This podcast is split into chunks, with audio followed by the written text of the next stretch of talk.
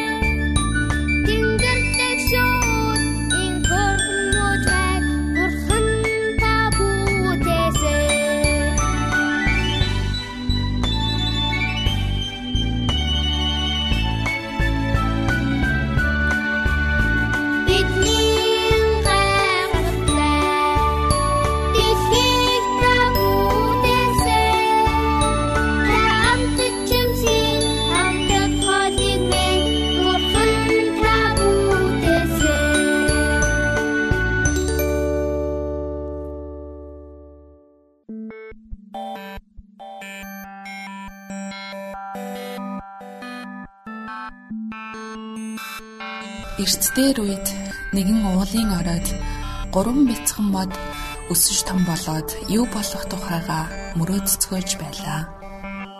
Эхний бяцхан мод тэнгэрт алмаз эрдэнэт гялтганах оддыг хараад би эрдэнсийн хайрцаг болмоор байна.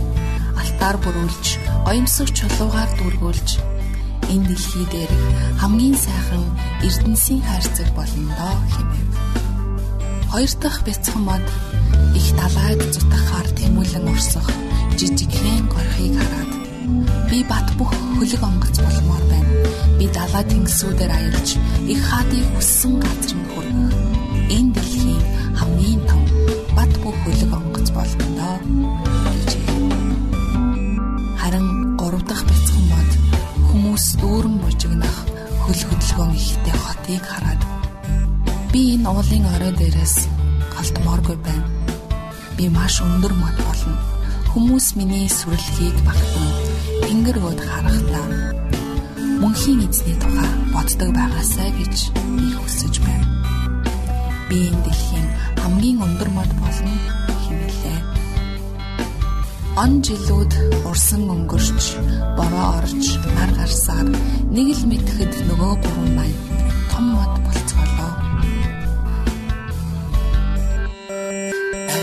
tree, I'm a tree.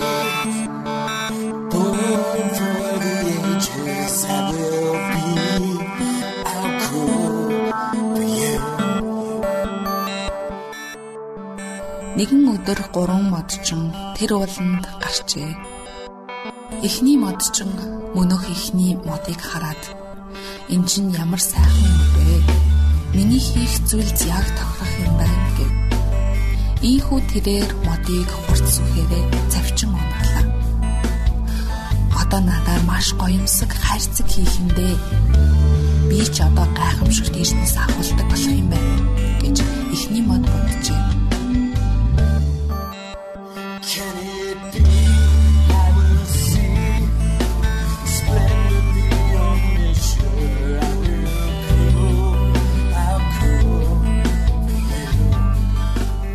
Удаах модчин хоёр дахь модыг хараад энэ ёстой бат бөх мод байна.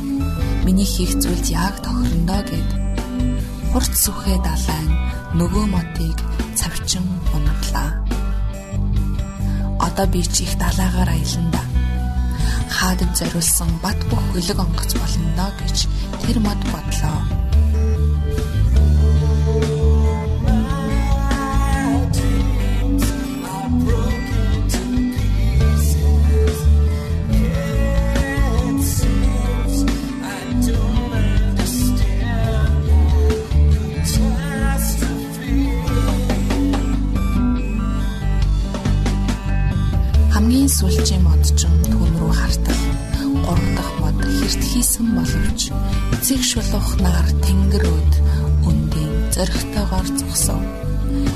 Тэр мод ч дээшвлийн харсанчгүй.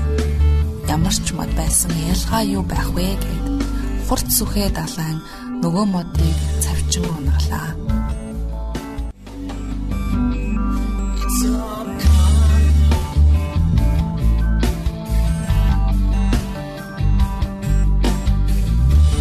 Эхний модыг мужаанд авчирхад тэрээр ихэд баярлсан боловч завгүй мужаан Эрдэнсийн хайрцаг хийх талаар бодогч сөхөөгүй байжээ.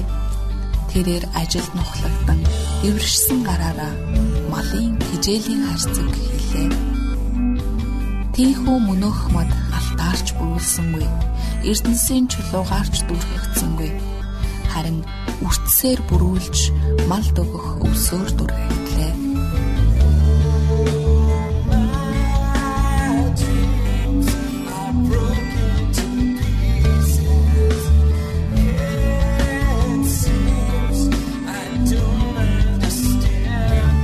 Хоёр дахь модыг усан онгоц хийдэг талбай дээр авчирхад тэрээр баярлан инээмсэглэв.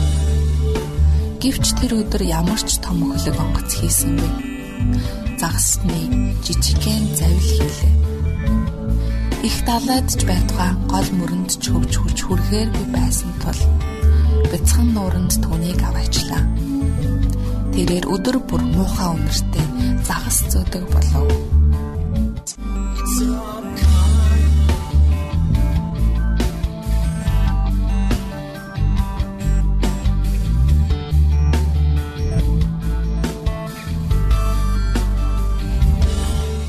Модчин 3 дахь модыг дүнз болгон янзлаад хураасан дүнзтэй нийлүүлв. Тэр өндөр мод эн чин одоо юу болж байна? Би үргэлжил уулын орой дээр мөнхийн эдэн рүү хандан сүндэрлэж байхыг хүсдэг байсан шүү дээ гэж гайхан бодлоо. Он цаг өнгөрсөөр нөгөө гурван мод хүсэл мөрөөдлөө бараг мартжээ. Гэвч нэгэн намуухан шин залуу эмэгтэй шинхэн мэндэлсэн хүүгээ малын тижээлийн твшинд тавихад эхний модны дээр алтан од гялалзаж байлаа. Түүндээ зориулаад ор урлагсан химэн тэр эмэгтэй нөхөртөө шивнэв. Тэрхүү хуучирч муудсан модон твшдэр оддын гэлба тусахад эмэгтэй нөхрийнхөө гарыг илэн инээмсэглэж энэ ор их сайхан юм аа гэж хэллээ. Энэ дэлхий дээр хамгийн гайхамшигт эрднийг агуулж байгаагаа эхний мод гинт тухаарлаа.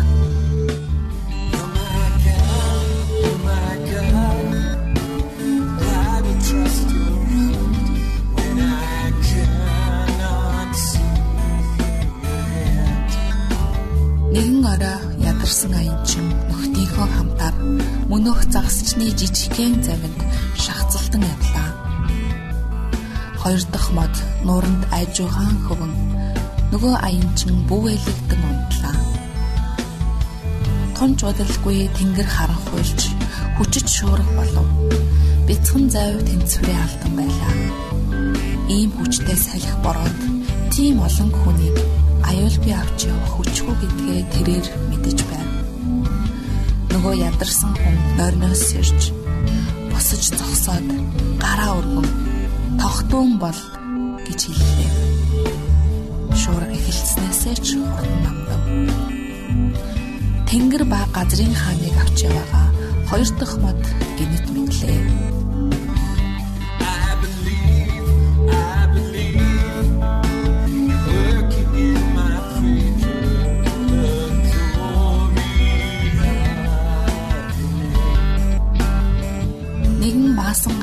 Өглөө мартагдсан газраас нь гурав дахь модыг зөөн явхад тэрээр цочин гайхав. Уурлан бужигнсан олны дундуур түүнийг авч явхад үнэхээр амар санагдаж байжээ. Зэргүүд нэгэн хүний гарыг түн дээр хатахад түүний дотор нь зарсхийг шиг болж байлаа. Түүн үнэхээр муухай амар бас хэрцгий санагдаж байна. Гэвч нэм гаргийн өглөө нар гарч түүний доор буй дэлхийн ертөнц баяр хөөрөөр дүрлээ. ертөнцийн эзний хайр бүх зүйлийг өөрчилсөнийг гурав дахь мод мэдлээ. Энэ хайр эхний модыг сайхан болгожээ. Энэ хайр хоёр дахь модыг бат бэх болгов. Хүмүүс мөнөх гурав дахь модыг санах бүртээ мөнхийн эзний тухай боддог болжээ энэ дэлхий дээр хамгийн өндөр мод байснаас ч илүү нь энэ байлаа.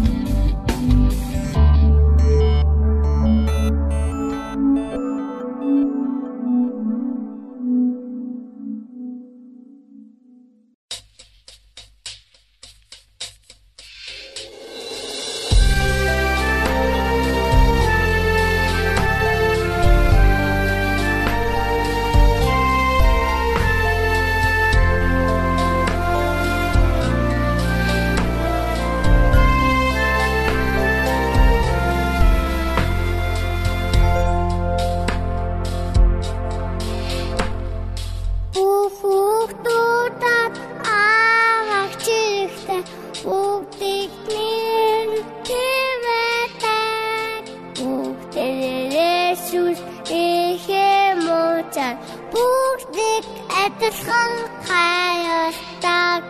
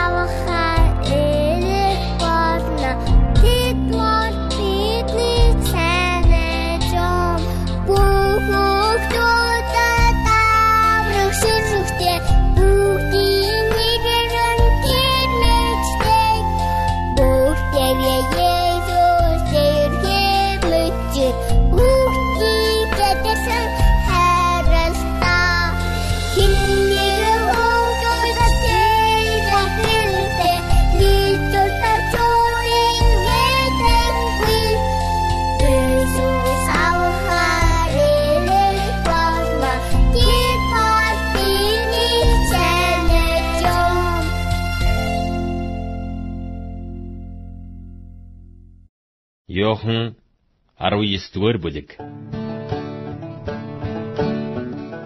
Тэгээд Пилат Есүсийг аваачиж ташуурдуулав. Сэргүүд үүргнэр титэмсүлжээд түүний толгой дээр тавьж нил ягаан нэмрэг нэмрүүлв. Тэд түүн дээр ирж Юудэчүүдийн хааныг мэдчлээ. Ингээд нүрийг нь алгадав. Пилат дахин гарч ирээд хүмүүст Харагтун. Би түүнээс ямар ч хэм буруу олоогүйг та нарт мэдүүлэхийн тулд түүнийг нааш нь авчирлаа. Гэв. Есүс үүргэн титэм нийл ягаан нэмрэхтэй гарч ирэв. Пилат тэдэнд энэ хүнийг харагтун гэлээ. Тэгтэл ахлах захилч нар харуулууд түүнийг хараад цовдл цовдл хэмээн хачгаралдлаа. Пилат тэдэнд өөрсдөө түүнийг ав. Та нар цовдл. Миний хувьд түүнээс ямар ч буруу олсонгүй. гэв. Юудэчүүд түүнд хандан бидэнд хууль бий. Уг хуулийн дагуу бол тэр өөх ёстой. Яагаад гэвэл тэр өөрийг нь бурхны хүү болгосон юм гисгээж байлаа. Пилат үүнийг сонсоод улам их айж дахин ордондон орж Есүсээс та хаанаас ирсэн юм бэ? гэж асуусанд Есүс түүнд юу ч хариулсангүй. Тиймд Пилат түүнд та надад хэлэхгүй юм уу? Таныг суллах ба загалмай цовдлох хэрэг мэдл надад байгааг та мэдэхгүй байна гэж юу? гэлээ. Есүс түүнд танд дээрээс ирэх мэдлэг өгдөөгүй л бол миний эсрэг байх ямар ч ирэх мэдл баймааргүйсэн. Тиймээс намайг танд тушаалсан хүн илүү нүгэлтэй юм. ингэж айлдав. Үүний улмаас Пилат түүнийг суллахыг оролджээ. Харин юудэчүүд хэрв та энэ хүнийг суллавал Цэзрийн анд нөхөр биш. Өөрийг хаан хинээгч хүн болгон Цэзрийн дайсан мөн гэж хашгиралдаж байв. Тэдгээр үгсийг Пилат сонсоод Есүсийг гаргаж шигтгэмэл чулуун энэ дэр буюу еврейгээр Габбата гэдэг газарт шүүгчийн суудалд суув дээгүүр өнгөрөх баярын бэлтгэл өдр байлаа. 6 дугаар цагийн орчимд Пилат юудэчүүдэд харагтун та нарын хаан гэж хэллээ. Тэгтэл тэд түүнийг танилга танилга түүнийг цовдл химэн хашгиралцсанд Пилат тэдэнд танай хааныг би цовдлох уу? Ингэхэд Ахлах дахилч нар Цэдраас өөр хаан бидэнд байхгүй гэв. Ингээд Пилат түүнийг цовдлуулахаар тэдэнд тушаалаа. Иймээс тэд Есүсийг аваад явлаа.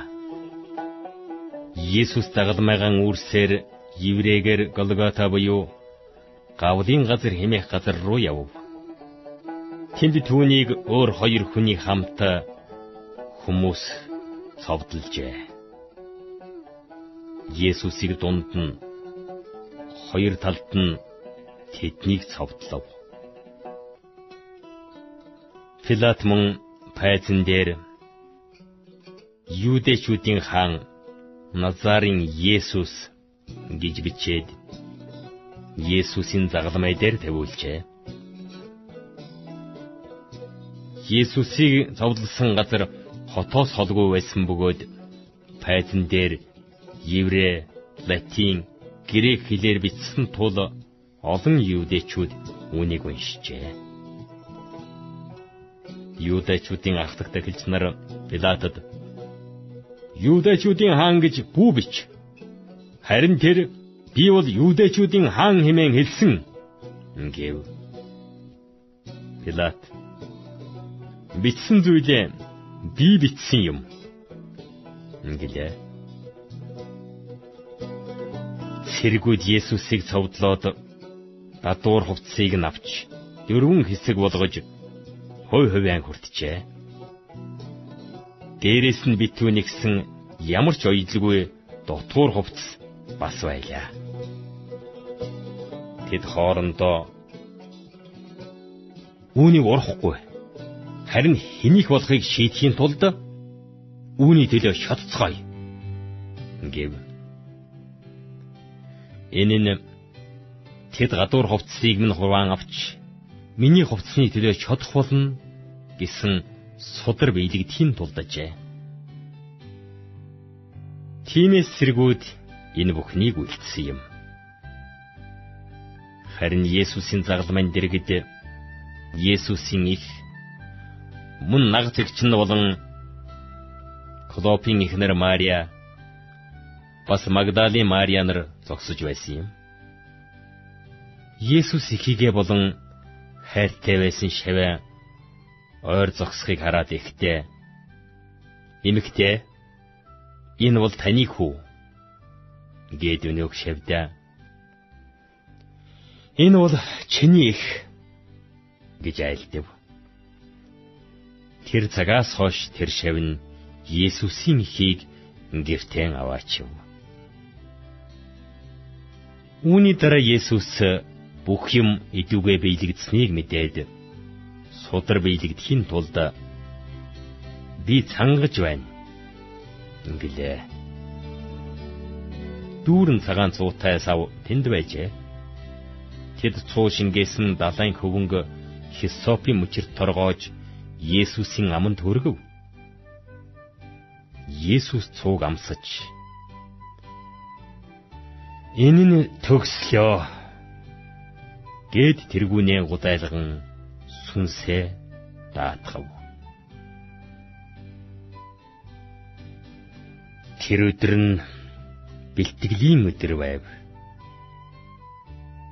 Амралтын өдөр цогц суудыг загалмай дээр байлгах ёсгүй тул Мөн тэр амралтын өдөр нь онцгой өдөр байсан учраас Юудэчүүд тэдний хөлийг хугалж тэднийг зайлуулахыг Пилатаас гуйжээ.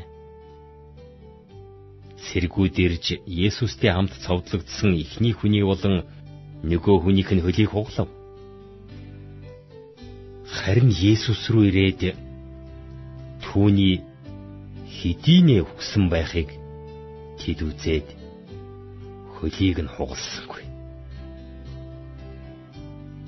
Сэргүүдийн нэг нь түүнийг хажуурун жадлахад цус ус гоожлоо. Харсан хүн нь үүнийг гэрчлэв.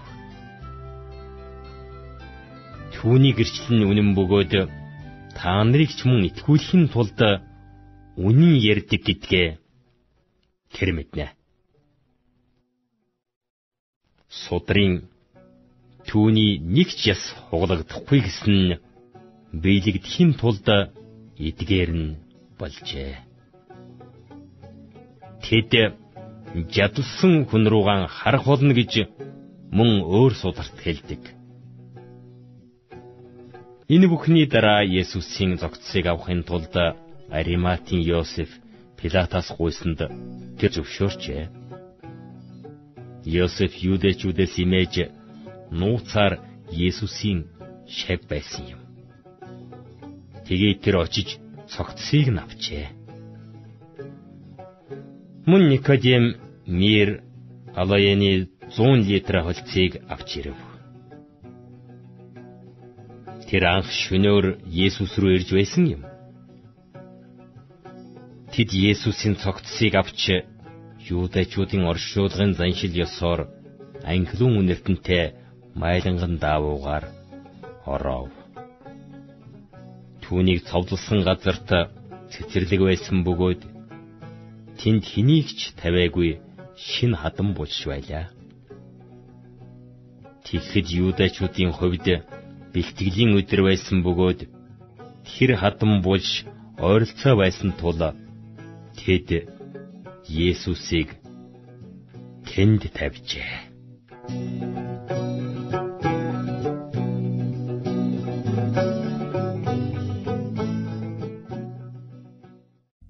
Итгэл найдрын дуу хоолой радио станцаас бэлтгэн хөрөгдөг нэвтрүүлгээ танд хүргэлээ. Хэрв та энэ өдрийн нэвтрүүлгийг сонсож амжаагүй аль эсвэл дахин сонсохыг хүсвэл бидэнтэй дараах хаягаар холбогдорой. Facebook хаяг: Satiin үсгээр Монгол заавад AWR Имэйл хаяг mongol.awr @gmail.com Манай утасны дугаар 976 7018 24 9 Шуудангийн хаяг 16 Улаанбаатар 13 Монгол улс Биднийг сонгонд цаг зав аваад зориулсан танд баярлалаа. Бурхан таныг бивээх болтугай